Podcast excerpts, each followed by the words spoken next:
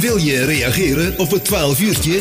App je berichtje naar 06 22 888 404. Dat is 06 22 888 404. Of stuur een mailtje naar studio@het12uurtje.nl.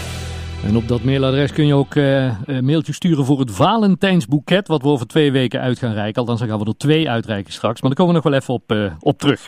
We gaan eerst even een beetje terug in de tijd en dat doen we met uh, Paul van der Geijn. Die hebben we aan de telefoon. Paul, goedemiddag. Goedemiddag. Want Paul, ja, ik, ik zei al, we gaan een beetje terug in de tijd. Want je hebt een boek geschreven over het leven van je vader. En een, een belangrijk deel van zijn leven speelde zich ook af hier in onze mooie gemeente Bel in Sint-Hubert, hè? Ja, dat klopt. Daar gaat driekwart van het boek over.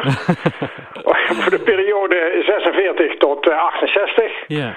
Hij is trouwens secretaris geweest van 46 tot 61. Oh, Oké, okay. niet, niet, niet constant. Ja, van Ja. 61 tot 68 was hij ambteloze burger. Oh, Oké, ja. Eh, eervol ontslagen door de gemeenteraad. Ehm, want want eh, laten we eens even teruggaan eh, naar het idee, Paul. Waar, waar ontstond het idee door om een boek gaan te schrijven over, eh, over je vader? Ehm, ja, eh, laat ik beginnen met mijn pensioen. Mhm. Al in 2008. Tjee, meneer. In 2008. En ehm, ja, zoals bij veel mensen die met pensioen gingen toen, maar dat zal nu niet anders zijn. eh, duik je dan, eh, heb je de neiging om in het verleden te duiken en te gaan graven in je familie. Met stambomenonderzoek en zo, maar daar voelde ik niet zoveel voor. We hadden het in de familie regelmatig over vader Ja. over zijn bijzondere carrière. Een Dramatisch verlopen carrière wel, in Mil. Ja. En eh, nou ja, dat onderwerp, dat meende ik bij de kop te moeten pakken... door daar eens onderzoek naar te doen wat er nou precies is gebeurd in Mil in die periode. Dus ik ben daar de archieven ingedoken van eh, het college en van de gemeenteraad... En eh, ik heb trouwens ook onderzoek gedaan naar de ontwikkeling van Mil. Dus naar de geschiedenis van Mil. Ja. In ieder geval van voor de oorlog. Ja. En ehm, nou ja, de, ik, het stapelde zich op, alle informatie. Dus dat heeft hier jaren op mijn kamer aangejonkt. En eh, begin dit jaar dacht ik, nou moet ik gaan schrijven. Door de corona kwam er wat tijd vrij. En ehm, dus ik heb de koe bij de horens gepakt. En het is me gelukt om in ieder geval voor de feestdagen het boek af te ronden. Ja, Ehm, want als we dan even gaan, kijken naar de periode Mil, 1946 kwam die naar, eh, naar Mil. In 1946 werd hij benoemd als gemeentesecretaris. Ja, en, Ja. ja en, en, en toen, eh, want ik, ik lees dan, eh, ze kwamen toen terecht in, in, in de woning die we nu als eh, kantoor van Meulenpas en Partners kennen, aan de, aan de Karstraat 4, vroeger van Hans Hermsen fotografie nog gezeten. En, en daar ben je zelf ook geboren, geloof ik, hè? Ja, dat is wel leuk om dat even te vertellen. Daar ben ik geboren op de Kaststraat 4. En dat begon er natuurlijk ook, de, de, de wooncarrière van mijn vader in Mil, op de Ja. Kaststraat 4. En eh, mijn latere buurman, eh, eh, Julianenstraat eh, 18, geloof ik, Julianenstraat 18 van Van Hout, dus Gerard van Hout, Ja. die is daar dus ook geboren. Oké. Dus Gerard was de zoon van Willem van Hout, geloof ik. Ja. Ze waren met drie broers daar, geloof ik. Uh, Willem van Hout en Gerard is daar geboren. Dat hebben we nooit van elkaar geweten trouwens. Dat kwam ik deze week, of vorige week aan de weet door een reactie van de millenaar op het boek. Oké, ja. Ja, dat is wel leuk. Want, want, want na, na de Karstraat 4 verhuisden jullie naar de Julianenstraat 16, hè? Ja, Ja. Maar, maar la- laten we eens even naar die, naar die tijd gaan, 1946. Ja, als, als ik het boek lees, dan denk ik, ja, god, Tom, je kunt je eigenlijk bijna niet voorstellen die tijd hoe het toen was, hè? ja, dat was in ieder geval, ja, en in ieder geval ook wat betreft het dorp natuurlijk. Zeg maar, de hele inrichting van het dorp, daar meen ik ook iets over te moeten schrijven. Hoe mooi het dorp er toen uitzag. Maar goed, dat is voor de nostalgie onder ons. De mensen die met weemoed aan het verleden af en toe terugdenken. Maar, eh, maar wat betreft de functie van gemeentesecretaris, dat is niet te vergelijken met tegenwoordig. Nee, want hij, hij was eigenlijk soort, eh, gewoon, eigenlijk had hij meer te zeggen dan, dan de burgemeester en de wethouders, volgens mij, hè? Ik mag eigenlijk wel zeggen, met enige voorzichtigheid, het was een beetje de onderkoning van Mil. Ja, Dus wel- de man had, eh, ik geloof wel, vier of vijf verschillende functies. Hij was niet alleen gemeentesecretaris. Hij was ook eh, opperhoofd van de woningbouwvereniging van, van Willy Broders. ja. Eh, hij was trouwens ook voorzitter van de bioscoopcommissie. Dus eh, eh, Pa die zag alle films die in de keizer draaiden. Ja. Dus ja, die man had wat dat betreft een geweldig leven. maar, maar hij was ook voorzitter van het uh, armenbestuur.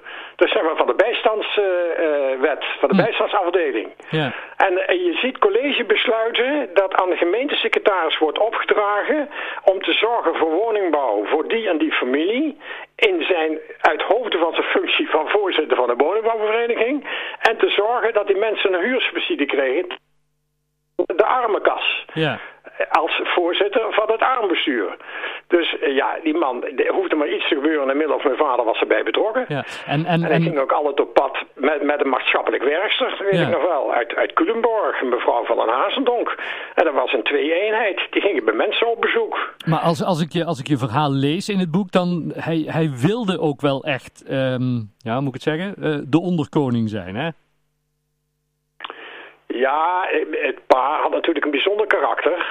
uh, dat is denk ik voor iedereen wel een beetje duidelijk die me kende. Yeah. Uh, pa wilde zich met alles en nog wat bemoeien, ook op het gemeentehuis.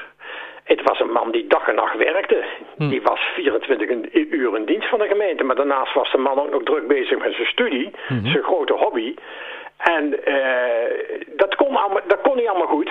Hij grossierde ook in vakdiploma's. Maar het nadeel daarvan was dat hij bijzonder eigenwijs was. Hm. Dus hij, hij vond dat hij altijd gelijk had. en dat, dat had hij ook wel. Maar je kunt je voorstellen dat in een ambtelijke wereld... Uh, ook in Mil, dat dat toch nog wel eens problemen opleverde. Hij had altijd gelijk, maar hij kreeg het eigenlijk nooit. Nee, En ja, dat is een beetje de rode draad in zijn levensloop dat hij daar regelmatig tegenaan liep. Ja, het, het, het meeveren, zoals ze dat tegenwoordig noemen, om het een beetje tactisch aan te pakken, dat, dat was hem niet gegeven. Nee, nee, dat, dat, ik moet zeggen dat de, als familieman mag ik er geen kwaad woord over zeggen. Hm. Het was een bijzonder gezellige en lieve man. Hm. Maar ik denk als gemeentesecretaris dat ook zijn ambtenaren daar af en toe toch wel een beetje moeite mee hadden.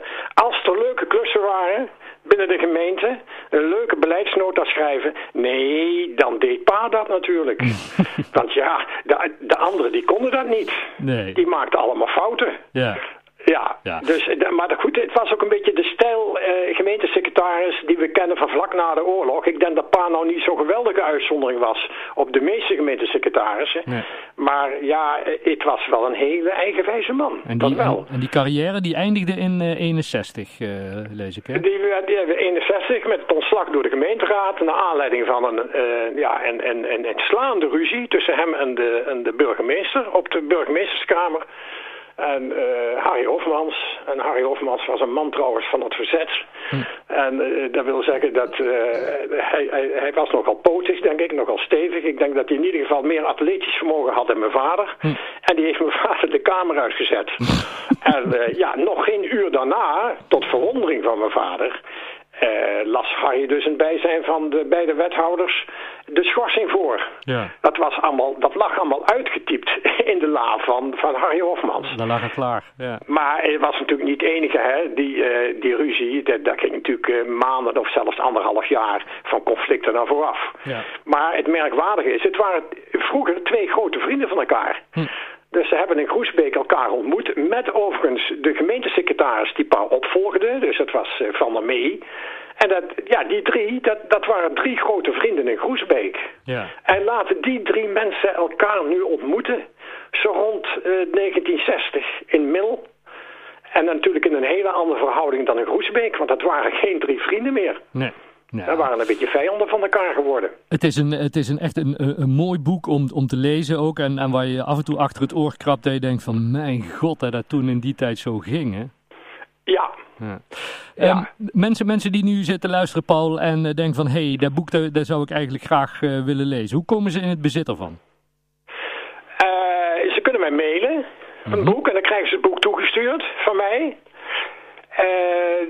dus mijn is, uh, uh, ja, als dat, als dat kan hoor. Ik weet uh, ja, ik, ik, ik, ik, zet, ik zet het straks wel op, op onze Facebookpagina en ik zorg dat komende week ook nog een keer in de krant komt met, met jouw mailadres en jouw telefoonnummer bij. De mensen die, die zeggen van... Ik ja, wil, want ze kunnen me ook bellen. Ja, precies. als, als, als ze het leuk vinden om mij te spreken, dan, dan vind ik dat ook heel erg leuk. Dus ze kunnen me ook bellen op een 06-nummer. Ja, hartstikke goed. En mensen... dan, stuur ik het boek, dan stuur ik het boek toe. Ja, super. Mensen die nu zitten... te... 20 euro, maar ja, dat zijn de kosten die je drukker krijgt. Nou, nee, maar, maar wat, ehm, mensen die nu zitten luisteren zeggen ik wil niet zo lang wachten tot het in de krant komt. Die kunnen ons ook een mailtje sturen naar redactie.denijkrant.nl en dan zorgen we dat ze jouw gegevens krijgen, Paul.